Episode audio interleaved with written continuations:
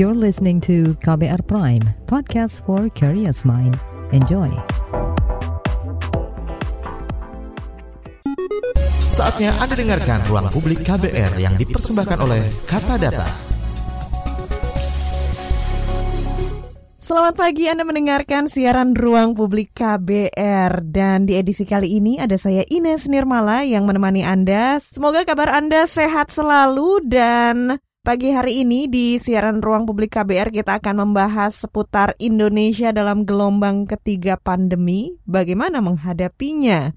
Memang kita sekarang tengah berada di kasus COVID-19 yang terus meningkat pesat dan salah satu penyebabnya disebut-sebut karena varian Omicron. Pada 1 Februari lalu, kasus baru COVID-19 di Indonesia masih sekitar 16 ribuan kasus dan seminggu kemudian jumlah kasus baru yang terinfeksi COVID-19 sudah berlipat menjadi sekitar 37 ribuan orang. Hanya dalam waktu satu minggu saja, jumlah kasus dapat meningkat dengan pesat dan jika dibandingkan dengan varian Delta pada bulan Juni sampai Agustus lalu yang membutuhkan tiga minggu untuk melampaui kasus baru hingga 30 ribu orang. Varian Omicron ini juga memiliki masa inkubasi yang lebih singkat dibandingkan varian Delta dan tahun lalu fasilitas kesehatan di Indonesia juga tidak cukup siap dalam menghadapi lonjakan pasien karena tidak sedikit pasien yang dirawat dalam kondisi benar-benar gawat, sehingga tingkat kematian COVID-19 juga melonjak tinggi. Lalu seperti apa upaya antisipasi yang bisa kita lakukan dalam menghadapi gelombang ketiga pandemi COVID-19 ini dan bagaimana menghadapinya? Kita akan perbincangkan di siaran Ruang Publik KBR bersama dua orang narasumber kita. Yang pertama adalah Profesor Dr. Zubairi Jurban, Ketua Satgas Penanganan COVID-19 Ikatan Dokter Indonesia. Selamat pagi Prof. Zubairi, apa kabar? Baik, selamat pagi Mbak, sehat. Eh, selamat pagi semuanya. Dan juga bersama kita ada Dr. Muhammad Abdul Hakam, Kepala Dinas Kesehatan Semarang. Dr. Hakam, apa kabarnya? Selamat pagi, baik Mbak, Alhamdulillah sehat. Sehat Selamat selalu. Pagi, Pertama-tama saya ke Profesor Zubairi dulu nih, Prof. Ini kita membahas uh, eh, COVID-19 yang dibandingkan dengan tahun lalu di mana fasilitas kesehatan kewalahan Prof menghadapi banyaknya pasien COVID-19. Ini apa yang bisa kita ambil uh, pelajaran atau pengalaman dari gelombang kedua kemarin untuk menghadapi gelombang ketiga sekarang?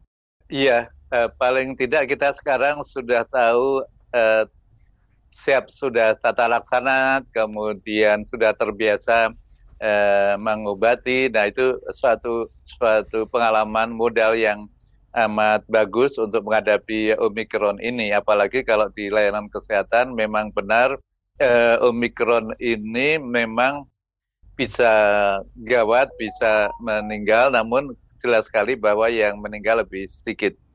Nah, eh, khusus untuk Jakarta memang eh, sudah mulai banyak banget eh, kasus yang dirawat di rumah sakit jadi ini juga pembelajaran untuk daerah lain bahwa eh, dalam minggu-minggu ke depan masih bisa meningkat tinggi.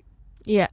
Kalau untuk perkembangan penyebaran COVID-19 secara nasional, terutama virus Omicron, ini seperti apa sekarang, dok?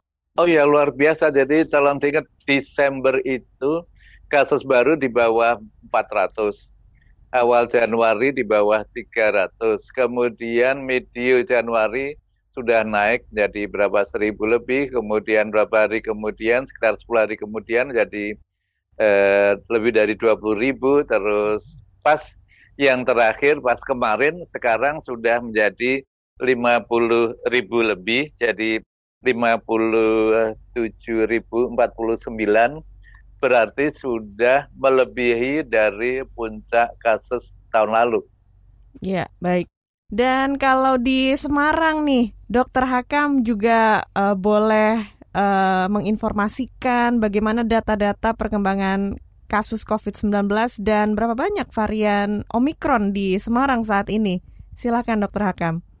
Data pagi ini uh, sesuai dengan apa yang muncul dalam dashboard kita itu ada di angka 694 Mbak.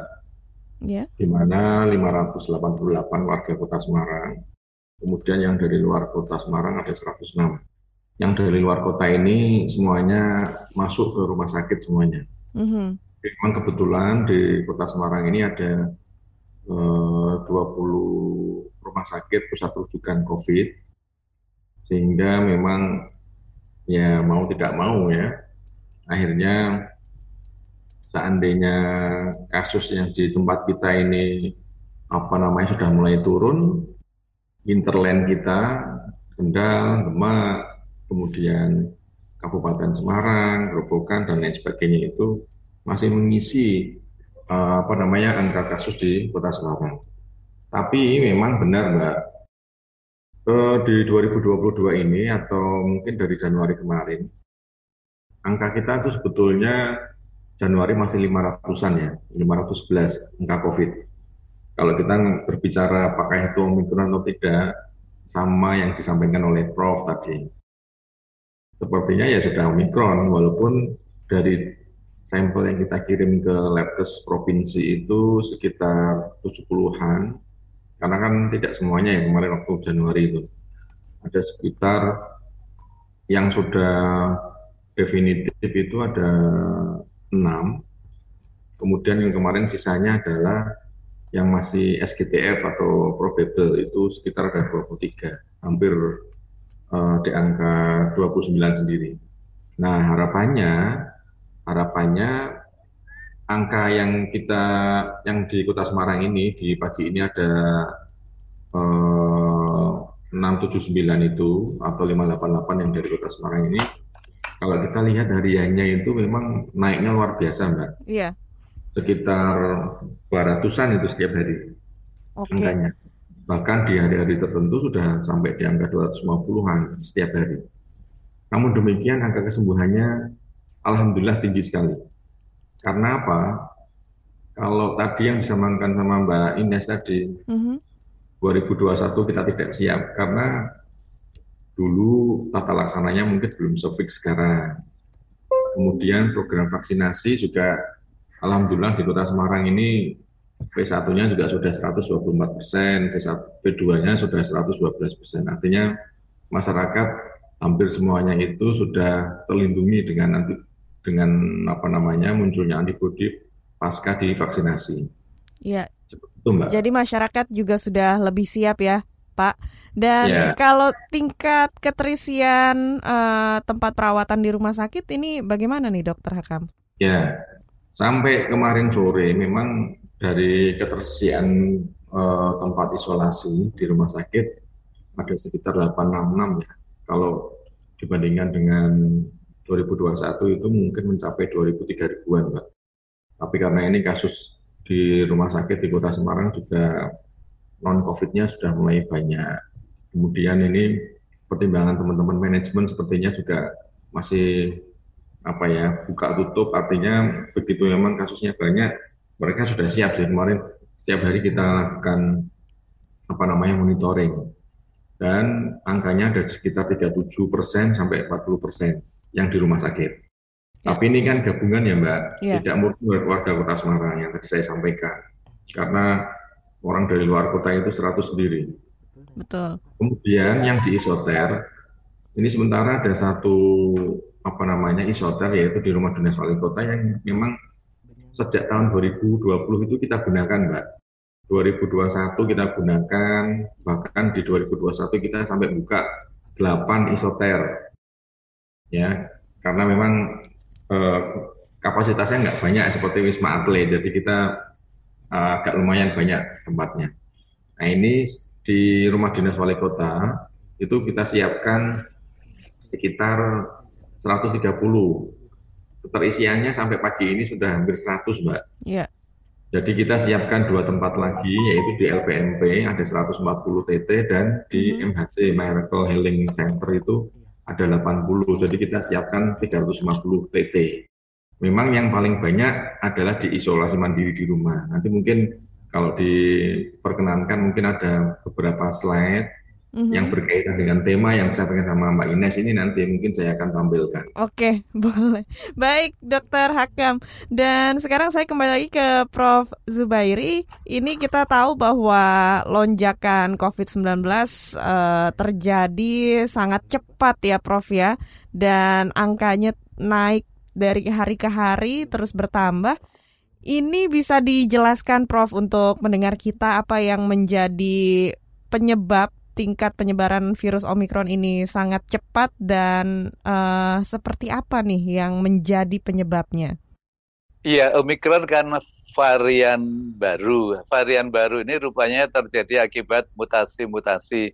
Eh, mutasi pada Omikron ini luar biasa banyak dan pada tempat-tempat tertentu sehingga amat sangat mudah menular.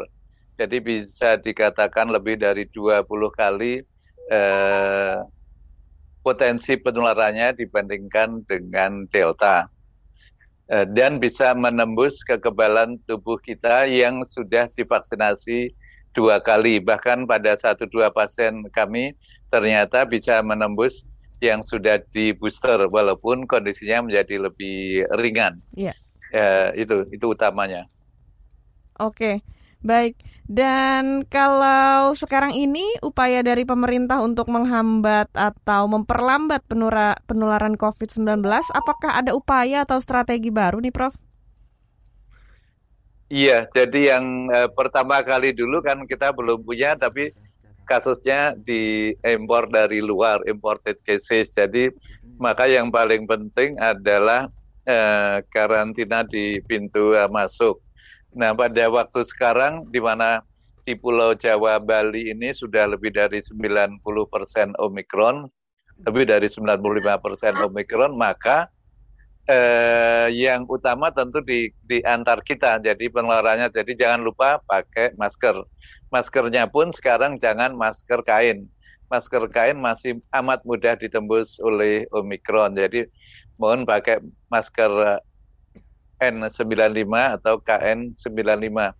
Untuk para nakes bukan untuk seluruh masyarakat. Jadi eh, jangan pakai kain lagi. Jadi tapi kan mahal kain 95 ternyata tidak mahal juga. Jadi antara 1.000 sampai 3.000 rupiah per satu.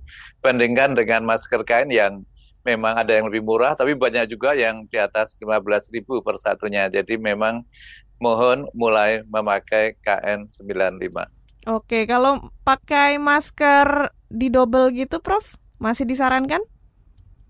Iya, masker double uh, lebih baik dari masker satu, namun tetap jangan pakai yang kain. Oke. Jadi, Mbak, uh, Jadi lebih baik uh, kalau di double bukan masker kain tapi masker medis gitu ya, Prof ya? Iya, jadi ada tahapan. Jadi kalau uh, di beberapa negara tahapannya pertama N95 pokoknya atau KN95. Kalau nanti pada sudah mulai ya, agak sulit mencari KN95 ya boleh turun ke masker bedah gitu ya kalau masker bedah satu saat juga sudah kehabisan, misalnya timbul krisis berat, nah pada tahapan krisis saat ini tidak, maka uh, pakai masker apa pun lebih baik daripada tidak pakai masker. Oke, baik. Uh, Profesor Zubairi dan juga Dr. Hakam, kita akan segera jeda dulu sejenak dan sebelumnya kita akan angkat dulu telepon dari pendengar kita yaitu Benyamin di Nunukan. Baik, kita angkat dulu teleponnya. Selamat pagi, Pak Benyamin. Selamat pagi. Iya. KBR. Selamat pagi, Pak. Apa yang mau ditanyakan atau disampaikan kepada narasumber? Ya, ini mau bertanya nih uh, buat narasumber kita. Kami di Nunukan ini perbatasan ya, Mbak, di Kalimantan ya. Utara. Ya. Kasus di sini di tempat kami di Nunukan itu sudah sempat zero pada Desember kemarin tanggal 17 Desember. Uh, terus uh, mulai tanggal 7 Februari ya. itu mulai lagi ditemukan gitu Mbak. Sudah hmm. masuk lagi ini uh, berasal dari peserta uh, repatriasi pendidikan yang dari Malaysia, uh, warga warga Indonesia yang kembali ke Indonesia gitu kan, Mbak. Yeah. Uh, konsulat itu mengatakan waktu itu mereka sudah menerapkan standar protokol kesehatan yang ketat. Mm-hmm. Sampai di Nunukan, di pelabuhan juga di dermaga itu langsung di ini juga dilakukan penanganan juga dengan apa terkait. Tiba-tiba muncul kasus uh, 20 kasus ditemukan positif. Hmm. Sampai tadi malam itu sudah sudah 96 kasus gitu kan pertanyaannya. Nah, terus juga dari Satgas ini juga belum bisa menetapkan ini varian apa. Mereka hanya mengatakan ini bukan Omikron. Nah, ini ini ini kira-kira seperti apa gelombang pandemi yang terjadi ini seperti apa sebenarnya khususnya buat di di masyarakat perbatasan. Yang kedua vaksin kan masyarakat di sini kita juga sebenarnya kurang-kurang sepertinya kurang yakin. Kemarin kita digenjot vaksin vaksin vaksin ini sudah masuk juga di tahap tiga gitu kan. Hmm. Uh, tapi kalau masih terjadi lonjakan gitu kan masih terjadi kasus penularan di masyarakat ada nggak manfaat vaksin itu? Gitu. Gitu aja mbak. Oke. Baik. Terima kasih Pak Benyamin di Nunukan yang sudah bergabung. Nanti akan dijawab oleh Profesor Zubairi dan juga Dr. Hakam ya di sesi kedua. Dan sekarang kita jeda dulu sejenak. Dan jangan ke mana-mana tetap di Ruang Publik KBR. Masih Anda dengarkan Ruang Publik KBR yang dipersembahkan oleh Kata Data.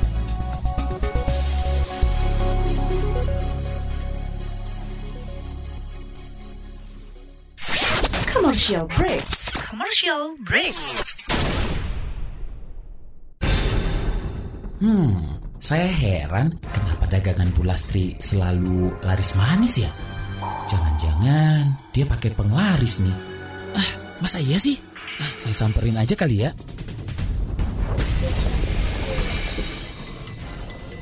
Eh, Pak Bayu, gimana Pak? Udah makan siang belum? Iya Bu Lastri, belum nih. Saya lihat dagangan Bu Lastri laris terus. Bu Lastri pakai penglaris ya? Memang betul Pak, saya pakai penglaris. Wah, Bu Lastri, saya dibagi dong penglarisnya. Boleh dong Pak. Nih Pak Bayu, silahkan dipakai maskernya. Hah? Masker?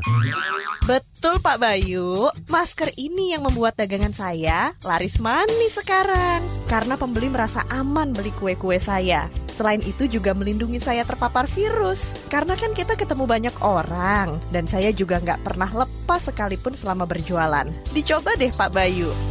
Laris dagangannya, lari virusnya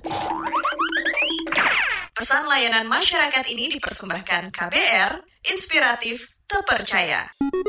Masih Anda dengarkan Ruang Publik KBR yang dipersembahkan oleh Kata Data. Kita masih di siaran Ruang Publik KBR. Masih bersama saya Ines Nirmala dan juga dua orang narasumber kita yaitu Profesor Dr. Zubairi Jurban Ketua Satgas Penanganan COVID-19 Ikatan Dokter Indonesia dan Dr. Muhammad Abdul Hakam, Kepala Dinas Kesehatan Semarang. Dan tadi sebelum jeda sudah ada pendengar kita juga yang bergabung lewat telepon yaitu Pak Benyamin Dinunukan yang bertanya Prof seputar kenaikan kasus gelombang COVID-19 dan juga seputar uh, warga yang terpapar virus padahal sudah menjalani protokol ketika dari uh, luar negeri kemudian datang di karantina tapi masih tetap terpapar virus COVID-19. Ini bagaimana penjelasannya, Prof? Iya, kalau masih tetap terpapar itu kan sama juga di uh, Jakarta dan jadi prinsipnya karantina itu amat sangat mengurangi kemungkinan penularan. Namun tidak bisa 100%.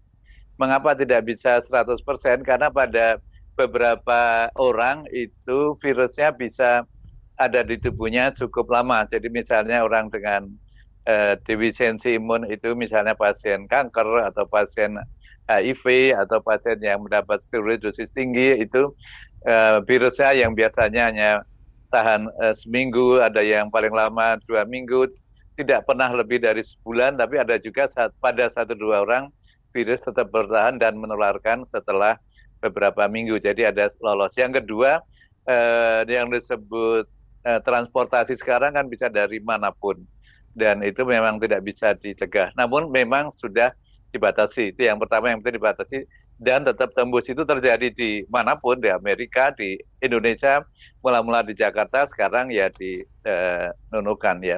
Nah kemudian mengapa sudah tadi katakan sudah divaksinasi masih tertular juga gitu ya. Yeah. Mengapa sudah divaksinasi masih tertular juga. Jadi vaksin itu memang aman dan efektif. Tetapi yang disebut efektif itu tidak 100% efektif. Dari dulu juga selalu diberitakan demikian. Artinya kita masih bisa ditembus oleh virus walaupun sudah punya kekebalan. Apalagi oleh Omikron ini yang memang sifatnya bisa menembus proteksi yang disebabkan oleh vaksinasi dan juga proteksi sesudah infeksi yang terdahulu. Jadi kalau dulu kita pernah terinfeksi, terus jadi kebal, maka kekebalan akibat infeksi uh, delta atau bahkan infeksi omikron yang lalu juga masih bisa ditembus lagi. Jadi memang harus tetap hati-hati. Namun biasanya kalau sudah vaksinasi lebih ringan. Kalau sudah booster jauh-jauh lebih ringan. Jadi yang belum dua kali harap segera vaksinasi dua kali. Kalau yang belum booster segera minta uh, booster. Iya, jadi vaksin bisa membuat penyakit COVID-19 ini lebih ringan ya, tidak parah gitu ya Prof ya. Baik, dan sekarang kita angkat telepon berikutnya dari pendengar kita, yaitu Irwan di Kendari, Sulawesi Tenggara. Baik, kita angkat teleponnya. Selamat pagi Pak Irwan. Iya, selamat pagi. Cuma saya aja nih, uh, memang penyebaran uh, Omikron ini cukup cepat ya karena di kota Kendari sendiri awal Februari itu belum terlalu parah masih puluhan tapi beberapa hari ini sudah sampai menembus angka 700 lebih mm-hmm. uh, per hari kemarin dan instruksi pemerintah wali kota Kendari juga sudah uh, menginstruksikan kepada seluruh uh, orang yang berpergian uh, dari luar daerah kalau bisa uh, isolasi mandiri selama tiga hari dengan cara begitu mungkin ya bisa mengurangi. Uh, tapi ya tentunya uh, pemerintah juga harus tegas karena uh, sekarang pembelajaran tatap muka ini sudah 100% di mana-mana. Saya pantau di kota Kendari, terus di kabupaten lainnya sudah 100%. Dan uh, mungkin hanya dilihat sekilas saja protokol kesehatan yang diterapkan. Tapi kalau anak muridnya itu biasa lalai karena mereka kadang bermain tidak memakai masker. Mungkin itu juga jadi catatan penting bagi pemerintah. Ini mengenai angka konfirmasi kasus ini sudah melebihi delta, namun kenapa bed uh, okupansi rasionya itu atau bornya masih cukup rendah? Ini bisa dijelaskan barangkali dok. Uh, terima kasih. Mungkin itu takut ya. kepanjangan. Iya. Kasih. Baik, terima kasih banyak Bapak Irwan di Kendari. Uh, silakan boleh langsung ditanggapi oleh Profesor Zubairi mengapa bornya masih rendah kasus naik. Jadi kan tadi sudah disampaikan awal Februari sedikit, terus sekarang banyak. Jadi kalau sudah kan nanti begitu volumenya makin banyak makin banyak, baru kemudian bornya menyusul akan meningkat itu terjadi di uh, kota mana pun di luar negeri maupun di Jakarta, mungkin juga nanti uh, di Semarang bisa disampaikan. Jadi eh, ini hanya masalah waktu karena itu harus siap siaga bahwa bor akan segera terisi. Namun juga eh, pengalaman di eh, beberapa tempat eh, di Jakarta itu ternyata eh, lama rawatnya sebentar. Jadi eh, biasanya jauh lebih cepat eh, lama rawatnya dibandingkan sewaktu tahun lalu sewaktu eh, Delta. Jadi akan cepat masuk ke rumah sakit eh, dan masalah yang lain adalah karena sebagian besar kan OTG, sebagian besar OTG dan gejala ringan. Menurut prasarat dari eh, pemerintah yang OTG dan ringan memang tidak dirawat di rumah sakit. Jadi kalau kasusnya belum terlalu banyak, maka kasus di rumah sakit akan sedikit sekali. Namun yang positif itu yang paling penting supaya karena ini amat sangat mudah menular dan OTG. Jadi hampir semua orang kalau uh, ditanya selalu, oh saya ringan sekali nggak ada keluhan. Saya panas kemarin namun sekarang sudah tidak demam lagi walaupun positif. Jadi tolong diingat walaupun tanpa gejala namun amat sangat mudah menular. Pengalaman di Jakarta menunjukkan bahwa banyak banget klaster keluarga, artinya satu orang terinfeksi, nggak lama kemudian seluruh anggota keluarga, eh, kakek, nenek, anaknya, cucunya, plus asisten rumah tangga semuanya tertular. Jadi tolong amat hati-hati kalau isolasi mandiri di rumah. Jadi syaratnya sudah disampaikan oleh pemerintah, misalnya memang rumahnya memungkinkan ada kamar yang dengan uh, apa kamar mandi yang uh, di dalam, kemudian ya selalu dijaga agar tidak terjadi eh, pertemuan yang dekat dengan anggota keluarga yang lain dan seterusnya. Jadi mohon hati-hati karena apa yang terjadi di eh, Nunukan dan Kendari adalah sama persis seperti Jakarta di awal awal Januari. Sekali lagi Januari masih kurang dari 300, medio Januari sudah 1000, akhir Januari sudah jauh di atas 20 ribu. Jadi itu uh, amat mungkin bisa terjadi di uh, Kendari juga. Makasih. Iya.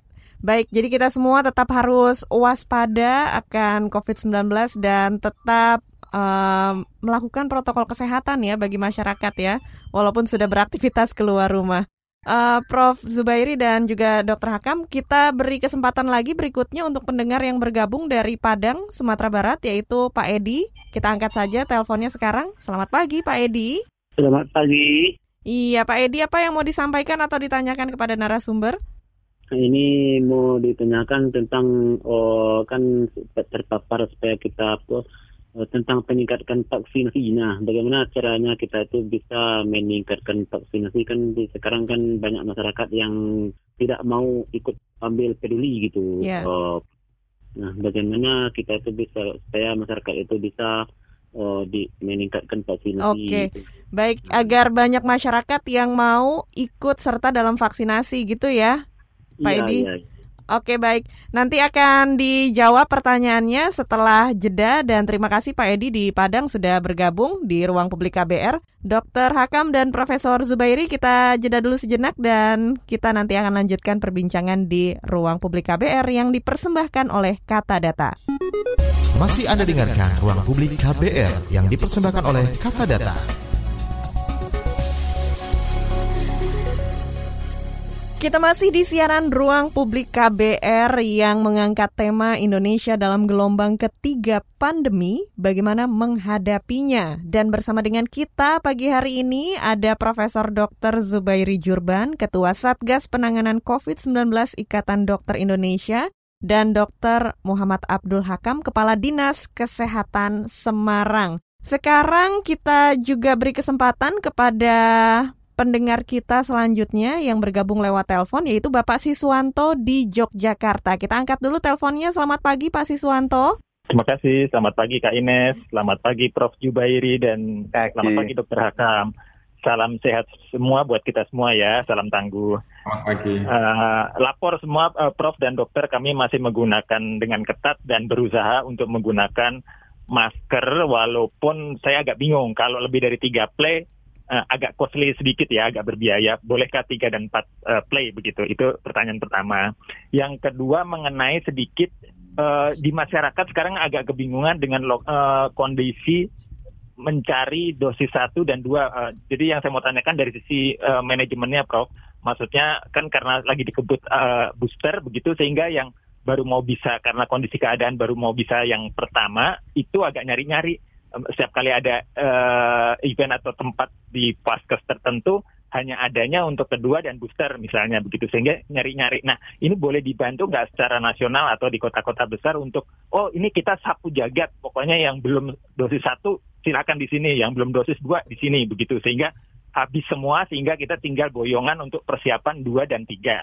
Pertanyaan terakhir ketiga mengenai uh, update terbarunya uh, Prof dan Dokter mengenai yang uh, problem drop out untuk dosis pertama.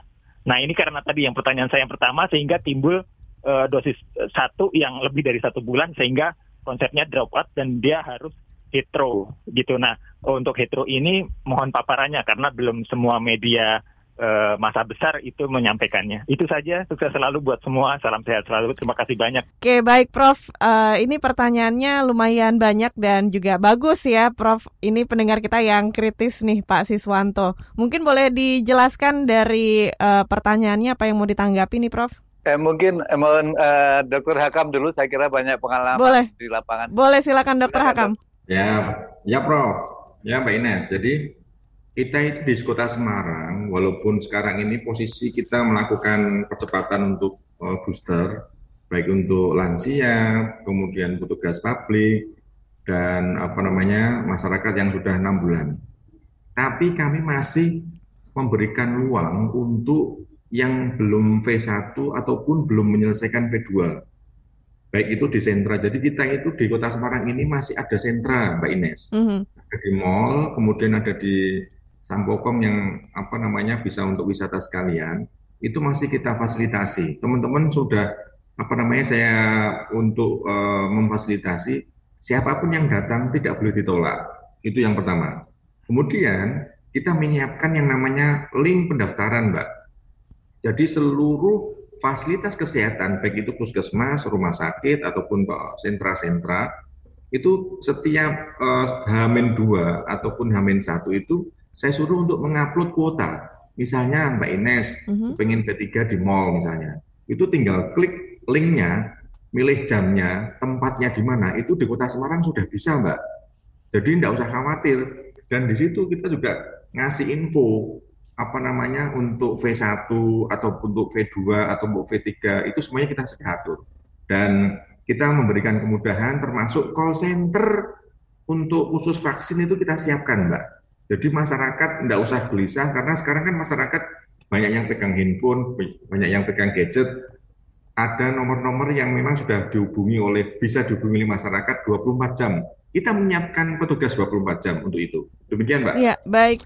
Jadi itu yang dilakukan di Semarang untuk mengajak masyarakat lebih banyak uh, dipermudah jadinya ya, Pak ya kalau oh. ingin vaksinasi. Dan itu mungkin tadi menjawab juga pertanyaan dari pendengar kita di Padang, bagaimana sih caranya meningkatkan vaksinasi di masyarakat. Dan kalau berikutnya dari Profesor Zubairi, iya, ya. silakan apa yang mau ditanggapi, Prof. Iya, tadi ditanyakan mengenai drop out. Drop out itu misalnya sudah vaksin pertama katakanlah tahun lalu bulan katakanlah bulan Juli. Juli itu kan bulan 7. Kemudian sekarang belum vaksinasi kedua. Nah, sudah lebih dari enam bulan. Jadi batasnya bukan satu bulan, namun enam, enam bulan. Jadi kalau sudah enam bulan belum vaksinasi kedua, maka vaksinasi yang pertama dianggap hapus, jadi harus mulai dari awal lagi. Uh, dan uh, itu saya kira uh, kalau tadi di Semarang sudah disiapkan dengan amat bagus, di Jakarta justru paling mudah malah di puskesmas dibandingkan dengan di pusat-pusat yang lain. Jadi uh, jadi mungkin masing-masing daerah bisa berbeda, namun intinya pemerintah menyediakan banget untuk vaksinasi yang pertama dan kedua. Jadi eh, yang belum vaksinasi pertama segera, yang sudah terlanjur vaksinasi pertama namun sudah lewat enam bulan, mulai lagi yang pertama. Untuk yang belum kedua segera yang kedua. Untuk yang sudah dua kali vaksinasi tetap harus buru-buru pakai booster. Jadi memang eh, itu agar kita semua terlindung dan kalau sakit ringan saja. Oke, baik. Dan tadi ada pertanyaan juga seputar masker nih. Prof, pakai masker yang tiga nah, lapis atau empat lapis, ini bagaimana? Ya, sudah disampaikan bahwa uh, ini virusnya sekarang Omikron bukan Delta. Jadi uh, yang penting masker kain bisa ditembus itu dulu. Jadi sedapat mungkin uh, N95 atau KN95 itu untuk masyarakat iya bukan untuk nakes saja, tidak untuk nafsu saja, untuk masyarakat juga KN95 dan itu ternyata harganya sekali lagi aku sudah survei di beberapa tempat antara 1000 sampai 3000 rupiah per satu. Mm -hmm.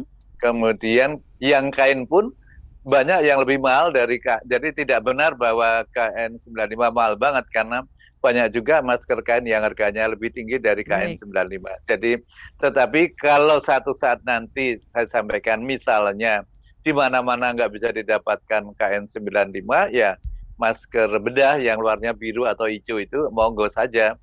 Kalau satu saat semuanya kagak ada ya lebih baik pakai masker kain daripada tidak pakai masker.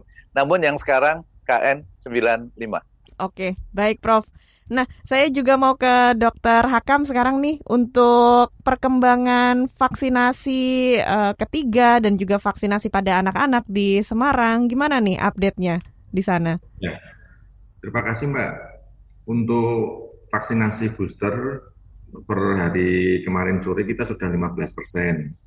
Anak-anak kita untuk B1 sebetulnya yang target dari pemerintah 149 ribu itu sudah kita selesaikan karena uh, ternyata target antara pusat sama punya kami itu berbeda. Banyak kan yang uh, kita apa namanya data yang kita punya. Kita yeah. punya itu 159 ribu atau selisih sekitar 10 ribu sendiri. Yeah. Jadi V1 sebetulnya kalau sesuai dengan target dari pusat 100% sudah.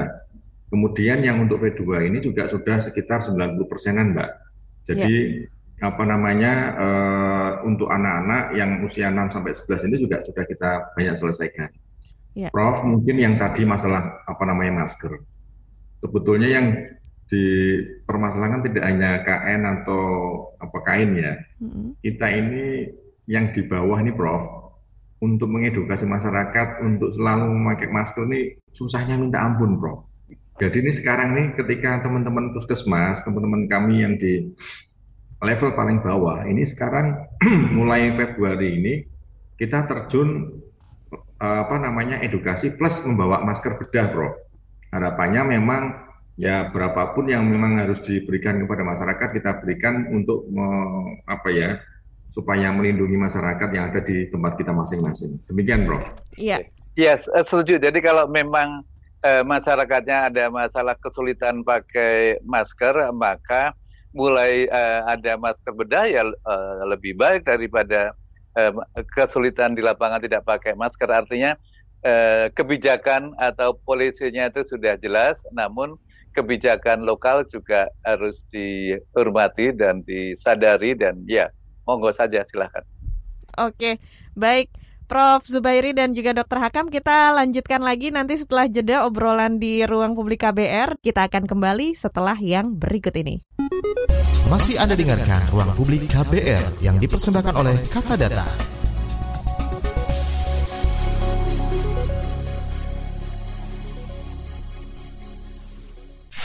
Commercial break. Commercial break. Aduh, Gue sedih banget ya rasanya. Nggak tahu kenapa. Kayak sedih banget gitu. Emang lo ngerasanya gimana? Ya pikiran gue tuh kayak nggak karuan aja gitu ke sana kemari. Terus pas lagi sedihnya tuh dapetnya yang bener-bener sedih banget. Itu udah dua hari begini terus. Oke, kita coba tanya Mbak Google ya. Apa ya kata kuncinya? Oh, coba gini deh. Ciri-ciri orang depresi. Gitu kali ya. Wah, nemu nih, ciri-cirinya sama banget kayak lo nih. Jadi, katanya nih, kalau lo sedih dua hari itu, Disko, diskusi psikologi. Halo Warriors, gue Kevin di podcast Disko, diskusi psikologi persembahan Into the Light Indonesia. Hapus stigma, peduli sesama, sayangi jiwa. Kalian gak boleh loh diagnosa sendiri. Yang harus kalian lakuin adalah konsultasi ke psikolog atau ke psikiater. Kalau misalnya kalian ingin tahu tentang kesehatan mental langsung dari pakarnya, yuk dengerin podcast Disko, diskusi psikologi di kbrprime.id. KBR Prime, podcast for curious mind. Masih Anda dengarkan Ruang Publik KBR yang dipersembahkan oleh Kata Data.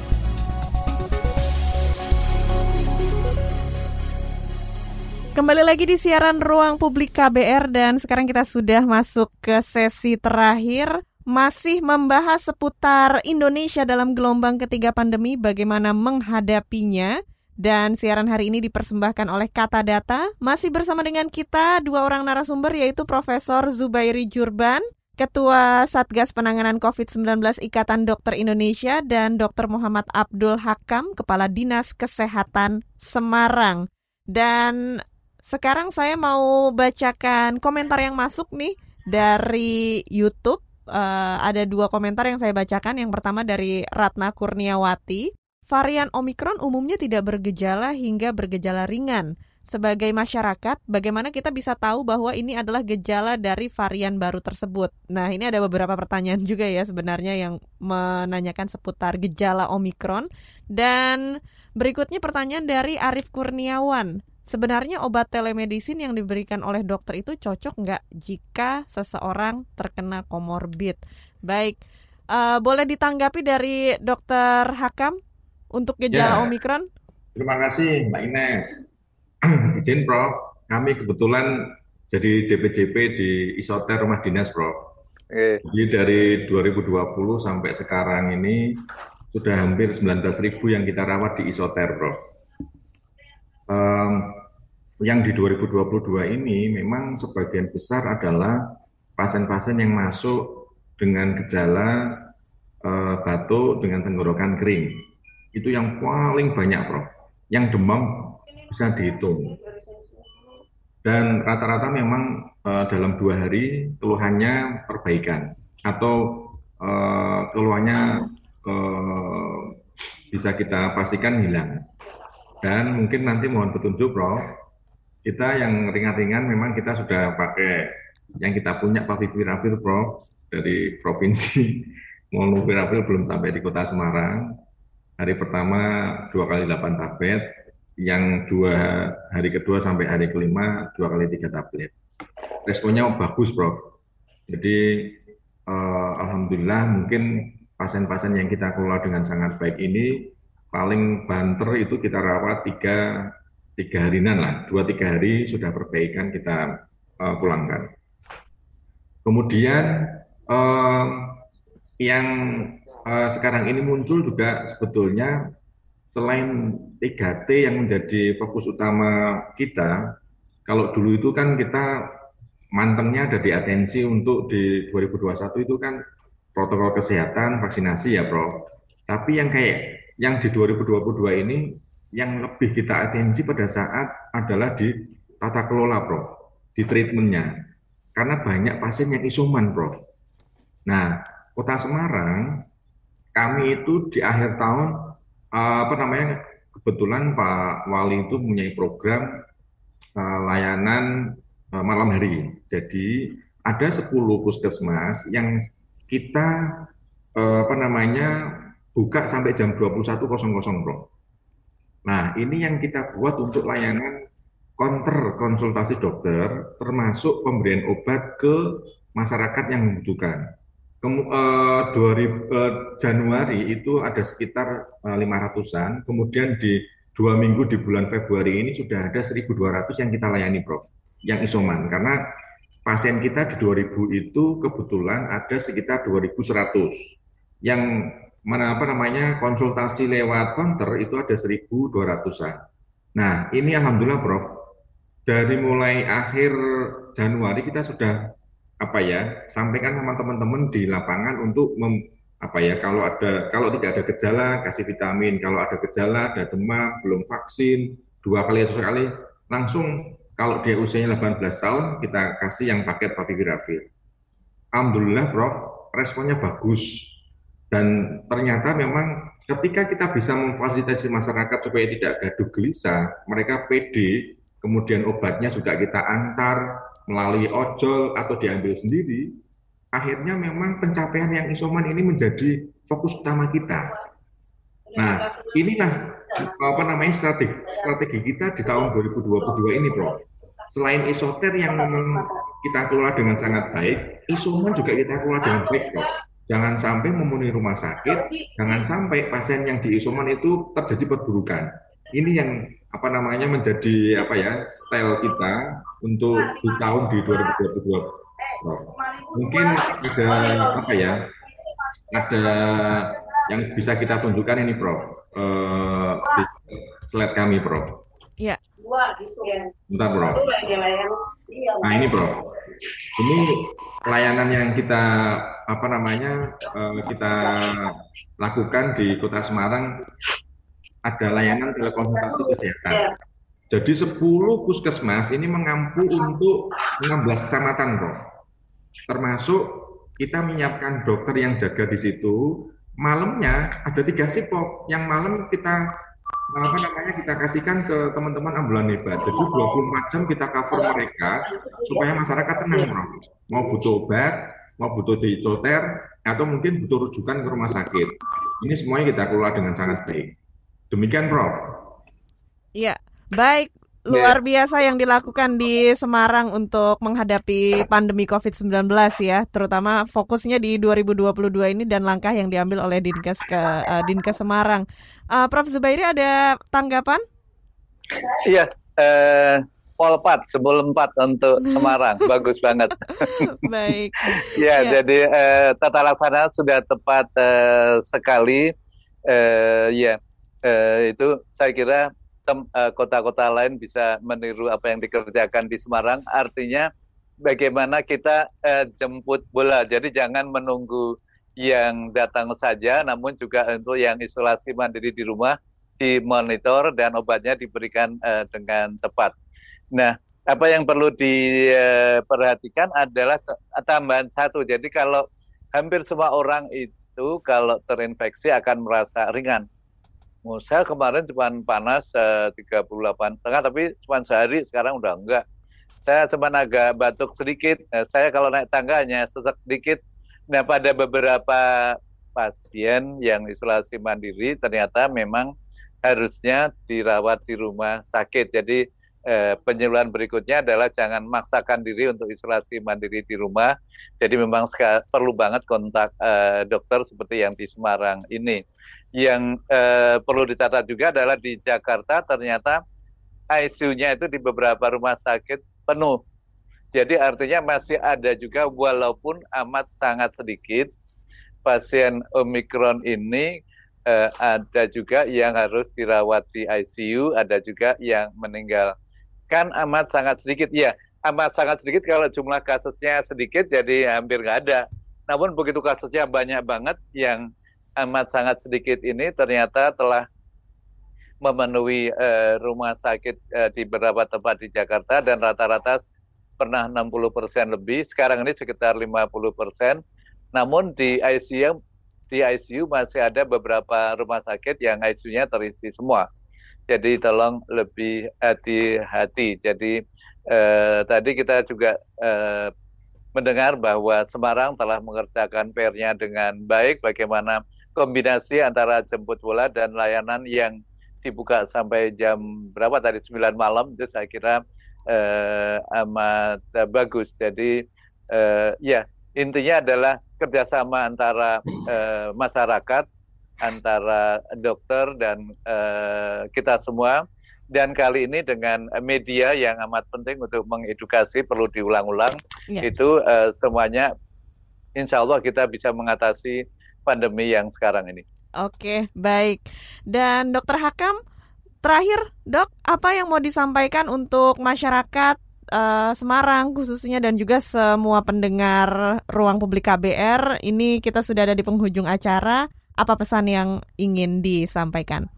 Untuk para pendengar KBR yang ada di seluruh Indonesia, Omikron ini memang penyebarannya cepat, maka ada dua strategi yang harus kita lakukan untuk bisa kita tidak terpapar dari COVID eh, khususnya Omikron, yaitu tetap kalau keluar wajib atau disiplin untuk protokol kesehatan, minimal memakai masker dan ini adalah catatan yang apa namanya mungkin harus kita ingat-ingat terus sebagai kita sebagai pelayan masyarakat untuk terus mengingatkan kepada masyarakat.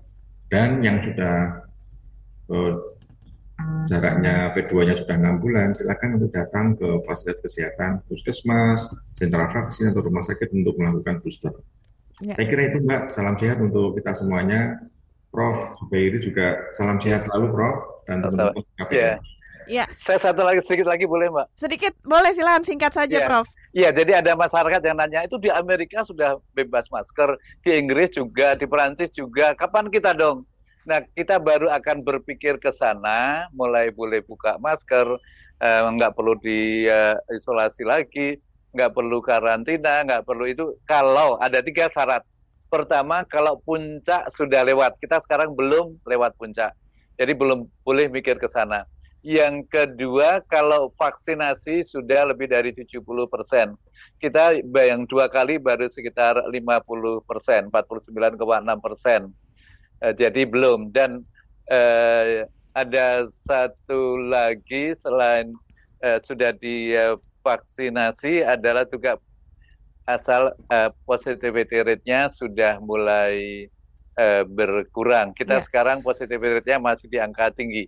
Jadi Baik. jangan pikir dulu mengenai berteman dengan Omikron, ntar aja.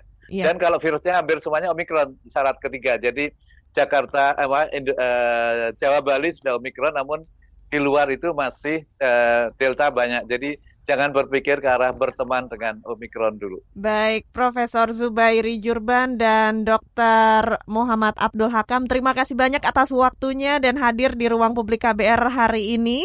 Saya juga ucapkan terima kasih banyak kepada seluruh pendengar yang sudah mendengarkan dan berpartisipasi dan sekarang saatnya kita pamit undur diri. Saya Ines Ines Nirmala juga pamit. Sampai jumpa lagi. Salam. Baru saja Anda dengarkan ruang publik KBR yang dipersembahkan oleh Kata Data.